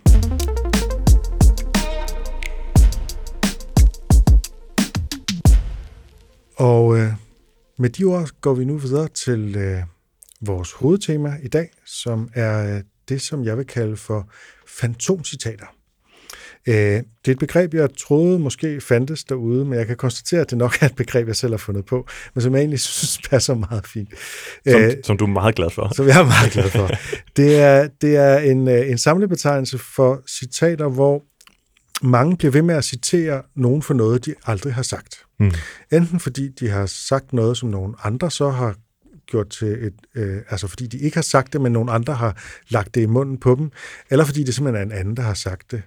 Øh, og så kan det selvfølgelig også være decideret desinformation, altså at der er nogen, der har haft en interesse i at fejlcitere, som vi skal komme tilbage til. Øh, vi skal gennemgå en række eksempler, og jeg tænkte, vi måske skulle begynde med, øh, med citater, som vi selv er hoppet på og har troet var rigtigt. Vil du begynde, Morten? Ja, altså jeg kan jo starte med noget, som jeg endda har, har fået skrevet i en bog, jeg selv har udgivet, i en bog, der hedder Slut med Forbudt, som jeg skrev, øh, der udkom i 2016. Jeg skrev den sammen med Morten Svane. Der tilskriver vi det her citat til Carl Sagan, som jeg jo har nævnt, at jeg er fan af tidligere. It pays to keep an open mind, but not so open your brains fall out. Eller på dansk, det betaler sig at have et åbent sind, men ikke så åbent, at hjernen falder ud.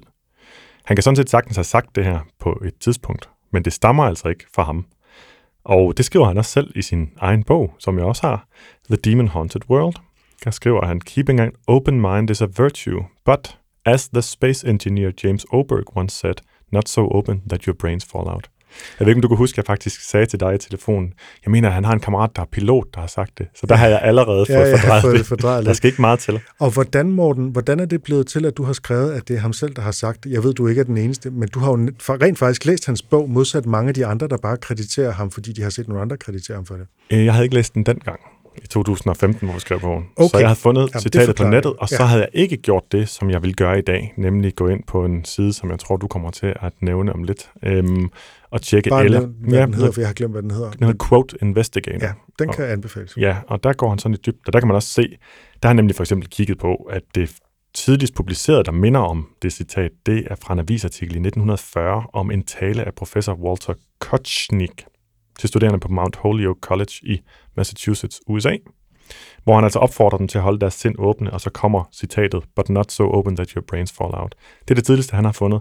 Så det er i hvert fald ikke noget, som, det er noget, som man gengiver som en, jeg ved ikke, hvad man kan kalde det, måske ikke engang et citat, det, men bare som en... Slagord, det er jo fordi, ja. det er fyndigt, og det, det er et godt citat, ja. øh, og så vil man gerne øh, kunne sige, hvem der har sagt det øh, tror jeg, at gælder mange af de her.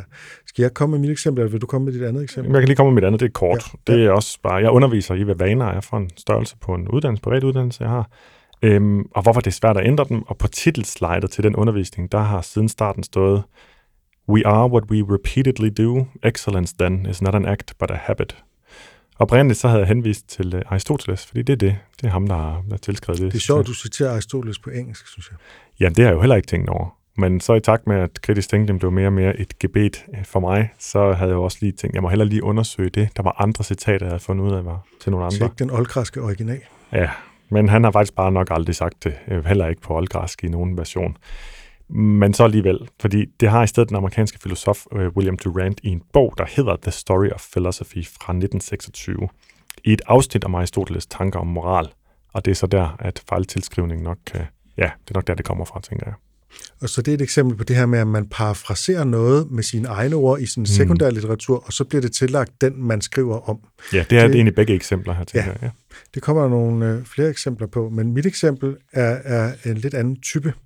Øhm, altså, det handler om Ernest Hemingway, øh, som har betydet meget for mig på grund af hans måde at skrive på. Altså han skrev sådan meget komprimeret og konkret, i stedet for at svælge i, hvordan hans figurer havde det. Øhm, det var noget, der sådan blev udtrykt indirekte i hans romaner og noveller. Og der er den her fantastiske, meget udbredte anekdote om, at han engang skulle have demonstreret, at han kunne skrive en roman på kun seks ord. Og de seks ord er så For sale, baby shoes, never worn. Altså til salg, babysko, aldrig brugt. Ideen er jo ganske Hemingways, nemlig at der i den her lakoniske meddelelse, man kan forestille sig, det er sådan en, en salgsannonce i den blå avis, mm. at der bliver udtrykt med de her få telegramagtige ord en tragedie. Mm. Et dødfødt barn eller en vuggedød, som jo Altså begge dele er, er dybt traumatiske, det kan vi alle sammen sætte os ind i. Øhm, og netop derfor så behøver man ikke at fortælle mere. Det er ligesom en roman i sig selv, det sætter tankergang i vores hoved. Og jeg har så gået glad og fortalt den her anekdote om Hemingway igen og igen, selvom jeg aldrig har set den hos Hemingway, og aldrig har set en konkret kilde til, hvor han skulle have sagt det. Simpelthen fordi jeg synes, den siger noget om, hvad ord kan, og, og noget om et bestemt litterært ideal og sådan noget. Ikke? Jo. Øh, og det er ikke den eneste, jeg har. Øh, og jeg har den jo også et sted fra, for det bliver gentaget i alle mulige bøger og artikler af præcis den samme grund, som jeg har fortalt den. Ikke? Og øh, der er jo selvfølgelig bare et problem, som øh, man nok på nuværende tidspunkt har gættet, hvad er, nemlig at Hemingway aldrig har skrevet de her seks år. Øh, det er en relativt ny myte. Den stammer fra 1991, hvor en vis Peter Miller i en bog påstår, at en unavngiven, veletableret publicist fortalte ham den her historie om Hemingway. Og når man så dykker ned i det, så er der ikke noget, der kan bekræfte den her historie. Der er ingen vidner, der er ingen, der har skrevet det ned, og noget tyder også på, at han har det et helt andet sted fra, fordi to år før, nemlig i 1989, var der et teaterstykke, der hedder Papa, hvor, øh, som handler om Hemingway. Hemingway er hovedpersonen, ikke? og forfatteren af stykket har fundet på det, han hedder John de Groot, og han har så, altså det er simpelthen noget, som Hemingway siger i et fiktivt stykke om mm. Hemingway, ikke?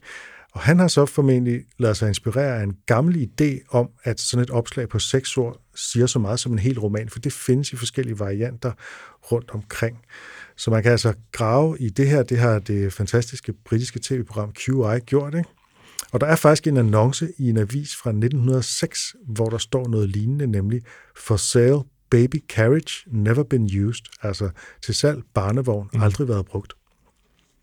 Formentlig er der sket det, at øh, ideen om, at det er den perfekte roman på seks bogstaver, den passer så godt til Hemingway, at ham her, dramatikeren, af John de Groot, han har brugt det i et stykke om Hemingway, og det har han jo kunstnerisk frihed til at gøre.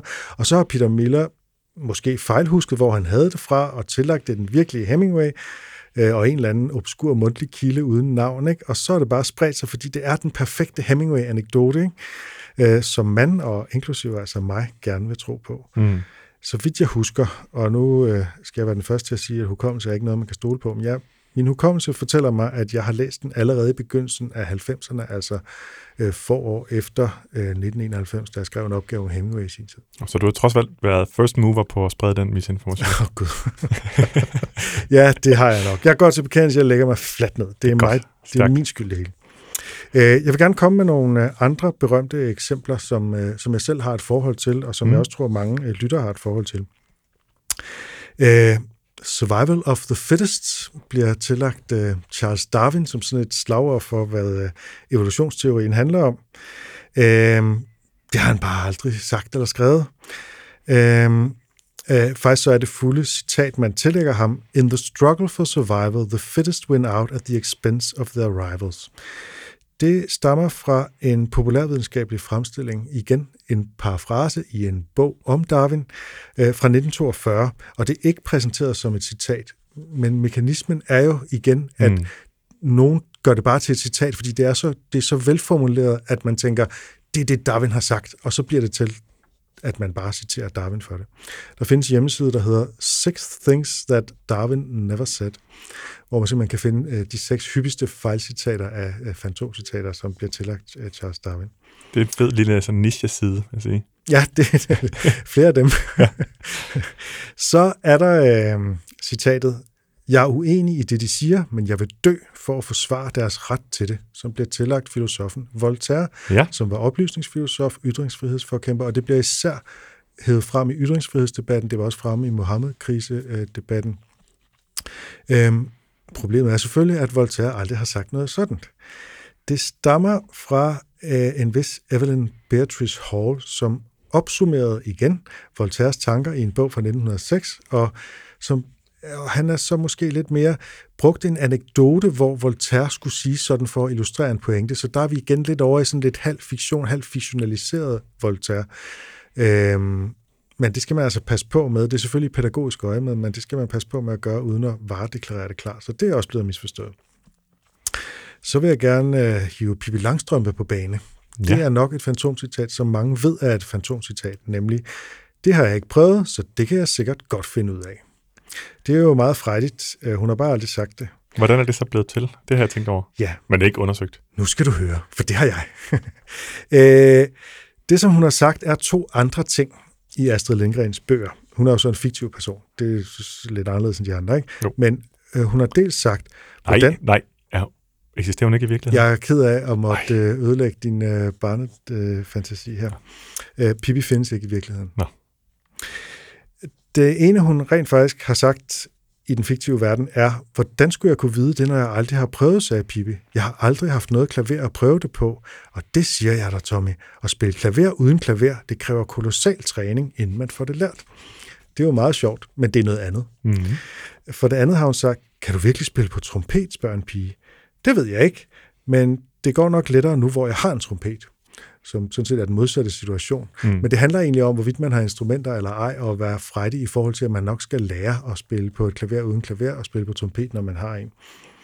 Så nogen har mm, husket forkert, måske i hvert fald gjort citatet bedre, altså mere fyndigt, mere fantastisk, mm. og mere sådan essensen af, hvad man synes Pippi er. Ikke? Og det gad jeg jo egentlig godt, der var flere, der gjorde ved de ting, jeg sagde, for eksempel. Når jeg citerer dig ude i byen, Morten, så er det simpelthen uh, geniale one-liners, ja, men ud. det, det regnede jeg også med, det håbede jeg på, og, og de to.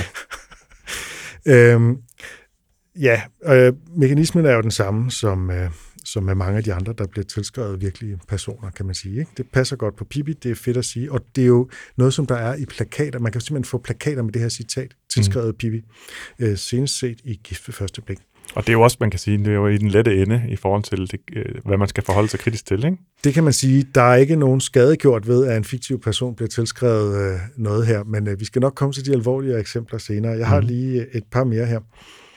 Øh, en, som jeg har været meget fascineret af, og som jeg har været forvirret øh, over, øh, så jeg har ikke tilskrevet det nogen. Jeg har ikke selv sådan, jeg har været forvirret over, hvem det var, der havde skrevet det. det citatet lyder, at skrive om musik er som at danse om arkitektur. Det har jeg været interesseret i, fordi jeg er sådan en, der har skrevet meget om musik, både videnskabeligt og som musikanmelder og sådan noget. Men det er blevet tillagt rigtig mange forskellige, og derfor har jeg hele tiden været forvirret, hvem er det, der har sagt det her? Det er blevet tillagt, øh, øh, og det er alle sammen øh, musikere, som øh, alle sammen også har reflekteret over musik, øh, sådan mere teoretisk. Men altså Brian Eno, John Cage, Elvis Costello, Laurie Anderson, Frank Zappa, Thelonious Monk, Miles Davis og Igor Stravinsky. Øh, ret forskellige skikkelser, men alle sammen, kan man sige, 20. århundrede øh, komponister og musikere. Allerede det, at det bliver tillagt så mange forskellige personer, det bør selvfølgelig gøre en øh, mistænksom. Mm-hmm. Øh, og det ser også ud som om, det er noget, mange af dem faktisk selv har citeret. Altså, de har citeret det. De har ikke sagt, jeg øh, siger den her sætning, men de har citeret det, altså selv opfattet det som et citat, blandt andet Elvis Costello. Øhm, Laurie Anderson, hun siger, at det har jeg fra Steve Martin, så der kommer lige pludselig, han er så komiker, der kommer lige pludselig en komiker på banen, og det gør det bare endnu mere forvirrende. Så lad os lige kode det ind. Svaret er, at det formentlig er en, der hedder Martin Moll, som har sagt det en gang i 70'erne. Han var en amerikansk komiker, skuespiller og musiker. Men han var ikke kendt nok til at få... Øh, Nej, Steve Martin er jo mere kendt. Det er Ja. måske derfor, hun ligesom har associeret. Ikke? Han var Jo. en af dem der. Ikke? Jo. Øhm, men han har gjort det som noget, han engang har fået fortalt, at en kunstlærer skulle have sagt til en tredje person. Så vi er altså helt ude på det anekdotiske overdrev igen. Så han har, ikke, han har aldrig selv påstået, det er noget, han har fundet på. Øh, og under omstændigheder, så er det en variant af en gammel talemåde, der kan føres tilbage til 1918, eller en talemådeformel. For i 1918 har man fundet sætningen, at skrive om musik er lige så ulogisk som at synge om økonomi. Hmm. Så der er ligesom, der er, man aner formlen der, ikke? Jo. Øh, øh, hvor pointen hele tiden er, at man ikke kan skrive musik, hvilket jeg er stærkt ved at opponere mod, men det er en anden udsendelse. Øh, ja, så det er jo simpelthen bare et godt slagord, og folk kan ikke huske, hvor det kommer fra, og så lægger man det i munden på en, som man måske beundrer eller tænker er sej, eller det nok må have været, fordi man har læst John Cages skrifter, må ikke det er ham, der har sagt det, eller hvad det nu er, ikke? Jo. Og man kan sige, at det positive er jo, at man trods alt tilskriver det nogle andre, i stedet for at påstå, at det er en original idé, øh, hvis man sådan kan vinkle det på den måde. Altså, at det er en, man selv har fået. Ja. Men øh, det kunne være rart, hvis den rigtige fik credit. Ja. Jeg har lige to hurtige øh, tilbage her. Øh, det er meget berømt Marie Antoinette, den, øh, den franske prinsesse, øh, som skulle have sagt, hvis bønderne ikke har noget brød, så lad dem spise kage. Øh, det øh, citatet øh, hidrører fra filosofen øh, Rousseau, altså Jean-Jacques Rousseau, som øh, skriver om en stor prinsesse, som da hun fik at vide, at bønderne ikke havde noget brød, svarede, så lad dem spise brioche. Mm. Der er ikke nogen reference til Marie Antoinette, og der er ikke nogen andre kilder til, at hun skulle have sagt sådan.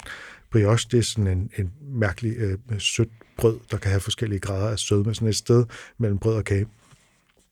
Øh, men når citatet det bliver tilskrevet hen, så er det fordi, det passer ind i fortællingen om den franske revolution og den her dekadente verdensfjernhed, som aristokratiet havde. Men det er jo formentlig sådan en slags vits fra Rousseaus side, og det er skrevet længe før den franske revolution. Det er skrevet formentlig allerede i 1865, da Marie Antoinette var 10 år gammel og næppe blev citeret for noget som helst. Mm-hmm. øh, sidste fra mig i denne omgang. Gode kunstnere kopierer, store kunstnere stjæler, eller øh, gode kunstnere lader sig inspirere, store kunstnere stjæler, tillægges Pablo Picasso. Øh, myten om, at det er Picasso, der har sagt det, det er interessant, for vi har en superspreder her. Det er Steve Jobs, hmm. Apples øh, mangeårige direktør, som påstod det i 1988 i en tale. Men øh, det bedste bud på, hvor det stammer fra, er fra øh, den britiske forfatter T.S. Eliot, som har skrevet i 1920, Umodne digtere imiterer, modne digtere stjæler. Hmm. Og så findes de forskellige versioner. Det bliver også tillagt igen Igor Stravinsky og forfatteren William Faulkner, og altså også Picasso. Og grund til, at det i dag er Picasso, som det først og fremmest bliver tillagt, det er efter Steve Jobs, ikke? Øh, det er nok, at Picasso i den folkelige bevidsthed er indbegrebet af den moderne, originale kunstner, ikke? der går nye veje, og derfor er det måske netop overraskende, at han skulle sige sådan, så har det så meget at stå være væk. Hvis en stor fornyer siger, mm. at det er fedt at stjæle, og at det er det, kunstnere gør, så har det sådan en ekstra vægt i forhold til, hvis det er en eller anden, som man kan sige alligevel er en plagiator. Ikke? Og men det er lidt sjovere, at det så er Steve Jobs, som, hvor der er pænt mange sager frem og tilbage mellem, mellem Apple og, og andre Samsung og andre øh, giganter. At de oh, ja, nu tager du en, en ny vej. Ja. Apple stjæler, er det det, du siger? Det har jeg, det er der, der er flere retssager, der vist øh, gør, at jeg godt kan tillade mig at sige det, men øh, det kommer ind på, hvordan man bruger det der stjæler ord, men det er ikke noget, jeg lige har sat mig sådan yderligere ind i. Men jeg tror, de hapser ret meget til højre og venstre. Man må i hvert fald konstatere, at de har lavet sig kraftigt inspirere hinanden i og med, at på 10 meters afstand, tror jeg, at man kan kende forskel på nogle smartphones overhovedet. Nej, det er god pointe. Mm-hmm. Der er jo også en særlig en person, som jeg har stødt på, som bliver øh, citeret og fejlciteret rigtig, rigtig ofte. Indbegrebet af et geni. Indbegrebet af et geni, og måske også et ikke så kontroversielt geni, så det vil sige, det er en, som alle kan bruge på alle sider af alle debatter, som en, man tænker, hvis han har sagt det, så er det nok sandt. Øh, og det er Einstein. Øhm, og Garson O'Toole, som er forfatteren bag uh, Hemingway Didn't Say That, en bog, som du åbenbart har, og manden også bag siden Quote Investigator, uh, har, har afsløret, at mange af dem så ikke er sagt af ham. En af dem, eller det jeg nok har stødt mest på, måske i virkeligheden min hukommelse fortæller mig, for at bruge din formulering, det citat, jeg har stødt på flest gange nærmest overhovedet, som folk som bruger i daglig tale nærmest, det er den, at definitionen på sindssyge er at gøre det samme igen og igen og forvente et andet resultat.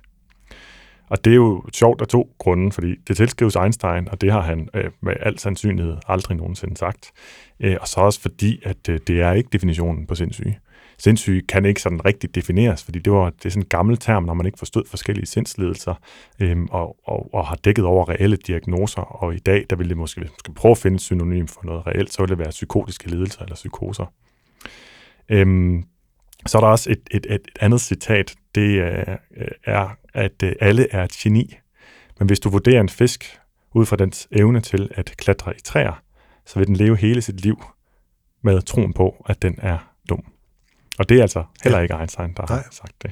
Og der er en, øh, en del forskellige, som sagt, citater, som er tilskrevet ham. Og som sagt, så tror jeg, man bruger det lidt som den her sådan, appel til autoritetsargumentation, som er, at hvis han har sagt det, så ja, så må det være sandt. Man kunne jo sige, at der er en anden, som, som, som virkelig bliver citeret, fejlciteret tit, og bliver tillagt alt muligt i sådan nogle uh, inspirational quotes, og det er Dalai Lama, ja. som har lidt den samme. Han er sådan en, som alle kan lide, og han har en eller anden uh, visdoms-image. Uh, mm. Og derfor så, hvis man siger et eller andet sådan uh, lommefilosofisk uh, småklogt, så hvis man så skriver Dalai Lama nedenunder, så får det lige en ekstra autoritet. Ikke? Oh. Og på samme måde med Einstein. Ikke? Og der er jo også den her berømte parodi. Ikke? Altså, man skal ikke tro på alt, hvad der står på internettet, citat Dalai Lama. Ikke? Ja, ja og, og, og jeg synes, parodierne har faktisk været gode til at gøre opmærksom på, at hov, jeg, der var jeg lige ved at tro på det, der stod automatisk, over at det, var, at det havde med den her person at gøre. Så bliver man ligesom, man får ligesom sådan en, øh, en lille kortslutning, når man ser de her forskellige jokes, der er lavet på det. Men det er jo ikke altid kun sjov og ballade, og det er jo sådan, at øh, øh, citater, fejlcitater, de kan altså bruges øh, som disinformation. Det var der lidt i starten af coronapandemien, der synes jeg, der var en del forskellige ting, som, øh, som øh, Bill Gates blev taget til indtægt for. Han har jo beskæftiget sig med globale pandemier i den forstand, at han har sagt i mange år, så vil jeg informere, informeret, at vi er, vi er dårligt forberedte vi er ikke klar til at håndtere en potentiel global pandemi. Og det har været en af de ting, som han, kvæs i sådan filantropiske arbejde, øh, har været meget optaget af. Jeg har også set en del sådan, hvor det har været altså Allan Randrup Thomsen, vaccineekspert, og, og, og forskellige andre, som sådan øh, er blevet øh, fejlciteret i den mm. der vaccinedebat. Ikke? Ja, det kan så bruges begge retninger for at tage autoritet, eller for at sige, at han har sagt noget, som vi ved er forkert, eller noget forfærdeligt, og så får man ligesom øh, devalueret de eksperter, som, som man ellers læner sig op af. Øh, jeg mener også, at øh, Ceciline Sørensen i sin tid, som bringer op nu, fordi at hun fik hun var den første danske profil, store profil, der blev lukket simpelthen af, af det sociale medie Instagram, for at sprede så meget af misinformation om corona og konspirationsteorier om corona. Øhm, så jeg kan ikke lige finde de citater, hun måske er delt, jeg vil også passe på med at påstå, at det rent faktisk er. Jeg ved bare, at der blev nævnt noget, fordi ofte har det også bare været citater, som er sande, men taget ud af kontekst, og så er der fortalt en anden historie med dem. Men der var øh, blandt andet, øh, blevet, skulle han have sagt, at mindst 3 milliarder skal dø øh, som også bare sådan et citat, meget, meget kort citat, om det er sandt. Altså, Tillagt Bill Gates. Tillagt Bill Gates, som ja. ikke er noget, han har sagt. Men det spiller ind i sådan en generelt konspirationsteori om, at øh, magthaverne ønsker øh, populationskontrol, altså at slå milliarder af mennesker ihjel, fordi vi er for mange. Og hvis så man er langt op på magtskalaen, så er man ligeglad sådan en måde, så kan vi lige løse problemerne ved, at der er en masse, der skal dø. Og det er jo klart, at hvis man får det at vide og føler sig langt nede i magthierarkiet, så er der noget at være bekymret for, ikke? Jo. Og det bringer mig så også til et opslag, jeg ville have skrevet om for lang tid siden, for jeg indgik i debat med en, en øh, dansk øh, kvinde, som også har øh, videre delt mange konspirationsteorier. Hun hedder Rikke Hauge og har, og har været meget aktiv på Facebook. Øhm, tjek det. Mediet, som vi har nævnt før, har også haft med hendes påstand at gøre, tjekket dem efter, og de er så kronisk forkerte, kan man sige. Øhm, hun havde sådan et opslag, som jeg også kan linke til. Det er egentlig en lang liste af det her Just Asking Questions store, øh, åbne, ledende spørgsmål, som egentlig på en eller anden måde er kamuflerede påstande, som man ikke behøver at tage ansvar for. Øh, jeg valgte så at svare på de her 10 øh, retoriske spørgsmål, og øh, de indeholdt alle sammen forkerte præmisser, eller noget, som, som på anden vis nemt kunne besvares, men de var som sagt stillet for at give sådan en fornemmelse af, at der var noget sådan systematisk galt. Men det var ikke så meget det med de spørgsmål, der var relevant, fordi under teksten, der var der et grynet billede af David Rockefeller, som er en øh, amerikansk bankmand, øhm, som da han døde i 2017, 101 år gammel i øvrigt, øh, var god for cirka 3,3 milliarder dollars, så altså meget velhavende, men ikke, en, øh, ikke på listen overhovedet øh, i toppen af, af listen af, af, hvad hedder det, af velhavere i USA eller i verden. Og det øh, citat, det lød øh, på dansk, vi er på kanten af en global transformation. Alt vi har brug for er den rette store krise, så vil nationerne acceptere en ny verdensorden. Og den her nye verdensorden, det tror jeg også, du har nævnt i forbindelse med at skulle tale om øh, konspirationsteorier. Jeg ved ikke, om du lige vil knytte bare lige et par få ord til, hvad, hvad det dækker over. Hvad, hvad New World Order dækker over? Ja. Jamen altså, det, øh, jeg ved ikke, hvad præcis, det er lidt en, en øh, øh, så, som jeg ser det, eller som jeg oplever det, så er det en lidt abstrakt forestilling om, mm. at, at det hele skal laves om, og der er en ny magtelite, der for alvor skal træde til. Øh, så det er i hvert fald noget ondt, ja. som, som man er i gang med at planlægge. Øh, og man, det kan så være Illuminati, det kan være mm. en, en, øh, en rig elite, det kan være øh, politikerne, det kan være øh, alle mulige forskellige, sådan man ser som jøderne øh, som mm. en magtelite. Ikke? Og egentlig er det, udover det abstrakt, så er det også sådan et selvmodsigende, fordi at typisk så er det dem, man allerede ser som værende magthaverne, som åbenbart skulle lave en ny verdensorden, hvor de, de har endnu de mere tilrender magt. sig endnu mere magt, og, ja. og borgerne får endnu mindre frihed, tror jeg, der ligger i tankegangen. Han skulle have sagt det her i en tale ved en FN sådan forretningskonference den 14. september 1994. Øhm, jeg ignorerede egentlig det her citat og besvarede spørgsmålet, men altså, det kan bare anledning til en masse sådan udenomsnak. Men trods alt heldigvis ingen aggression eller blokering, så tråden den står der stadig. Nej, jeg har set tråden, den er en meget fin tråd. Ja, det synes jeg også. Øh, og også derfor vil jeg gerne linke til den. Ikke fordi jeg synes, nogen skal blande sig, men bare for, for, at, se, hvad der, for at kunne se, hvad der er foregået. Der var en anden, der blandede sig dengang, fordi han havde set video med talen, men aldrig hørte øh, David Rockefeller sige det, han var citeret for. Og han spørger så ind til det, og Rikke Hauge kommenterer selv med et link til talen, hvor man altså kan se øh, talen i, i sin fulde længde, og så også et langt tekstuddrag fra den. Der er bare et problem. at intet sted i talen eller i det her tekstuddrag, der står der det, eller siger han det, han er citeret for. Hvilket nu så fremgår tydeligt i det, øh, Rikke Hauge selv har delt. Hun afslutter den kommentar med, at hovedessensen i hans budskab handler om kontrol over mennesket, kontrol over befolkningstilvækst og depopulation. Og jeg står stadig på mål for citatet i opslaget. Selvom det altså ikke står der. Citater, det er jo sådan nogle, der netop skal være ordrette, som noget folk har sagt eller skrevet. Og her kan man så også bemærke, at hverken ordene kontrol eller depopulation overhovedet indgår, så det er altså simpelthen en voldsom tolkning. Måske det, man kan kalde sådan en post-hoc-tolkning. Jeg vil gerne få det til at passe, fordi jeg har ikke lyst til at erkende, at det her citat det er forkert. Det er jo selvfølgelig bare gætværk. Så han har altså aldrig sagt det, han er citeret for, men der må være så til gengæld jo, som jeg også kommenterede i, i Troen under, der må være nogen, der har siddet og fundet på det citat, altså simpelthen skrevet det ja. ud fra mere eller mindre fri fantasi eller fortolkning. Og så bliver det jo interessant at stille spørgsmål, hvad er formålet med det? Hvem øh, har skrevet det, og hvad, hvem har de egentlig forsøgt øh, at snyde? Og det synes jeg jo var, det spørgsmål stillede jeg også i Troen for at appellere til, at man forholder sig kritisk til det, uden sådan at gå efter nogen, der tror på det. For det er jo desinformation. Og problemet med sådan nogle memes, der bare bliver delt viralt, det er, at det er meget, meget svært at finde kilden. Ja. Programmet nærmer sig sin afslutning, men vi skal først lige lege fup eller fakta.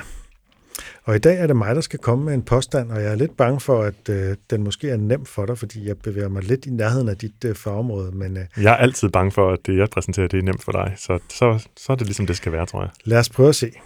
Jeg synes i hvert fald, det er interessant, uanset hvad. Øh, påstanden er, flydende håndsæbe er mere hygiejnisk end fast håndsæbe. Så er vi jo først og fremmest, om ikke andet for at købe mig lidt tid, ude i lige at skulle definere, hvad mere hygiejnisk betyder. Ja, det tænkte jeg nok, du ville spørge om. Ja. Øhm, og jeg tror faktisk, mm, jeg var lidt i tvivl om, jeg skulle, skulle øhm, komme med noget information her. Øhm, Lad os sige, at øhm, det handler om bakterier.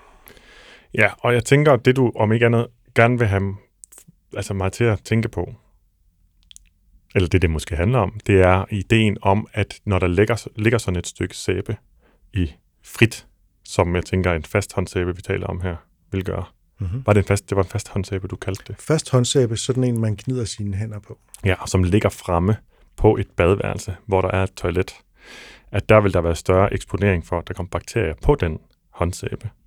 Og dermed vil den være mindre hygiejnisk, i og med, at den vil kunne tilføre bakterier, selvom den også vil fjerne bakterier, når man bruger den. Hvorimod, at den flydende håndsæbe, den er ligesom mere hermetisk indpakket, så der får du kun det ud, du skal bruge, når det er, og det så ikke er eksponeret for alle de andre ting, der er i lokalet. Så derfor virker det jo åbenlyst umiddelbart, og nej, det er ikke inden for mit fagområde, øhm, vil jeg sige, fordi det, det, så ville det være pinligt. Og, og så, altså, også, vi, vi nærmede os lidt dit fagområde. Ja, okay. Mere, mere end E'eren, vil jeg sige. Men, ja, det kan godt være, du har ret i det. øhm, jamen, det var noget med, hvad de spiste også, så det er jo lidt ernærings... Nej, det skal jeg ikke være med at gå ind i det. Øh, ja, så jeg tænker, at øh, det vil være åbenlyst, at man vil tænke, at det vil være mindre hygiejnisk. Og det håber jeg, at du også tænker, at jeg vil tænke. Fordi jeg ved, at du selvfølgelig prøver at ramme et eller andet leje, hvor du ikke skal manipulere, men jo gerne vil have, at jeg svarer forkert. Og så er spørgsmålet så, er det relevant, om der kan lande bakterier oven på en sæbe? Fordi hvis de kommer i kontakt med sæben, så dør de. Og dermed også, at hvis du får opløst noget af sæben, når du vasker dine hænder, så er det underordnet, om der har været bakterier derpå i den mængde, i den koncentration, der ellers vil være.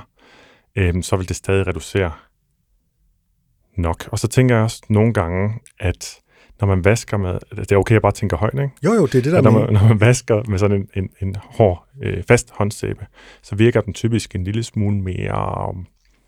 Jeg skal sige effektiv, men den forstand, at den fjerner mere fedt den er mere øh, grov, så at sige, med hænderne, end en flydende håndsæbe, som typisk indeholder nogle andre komponenter.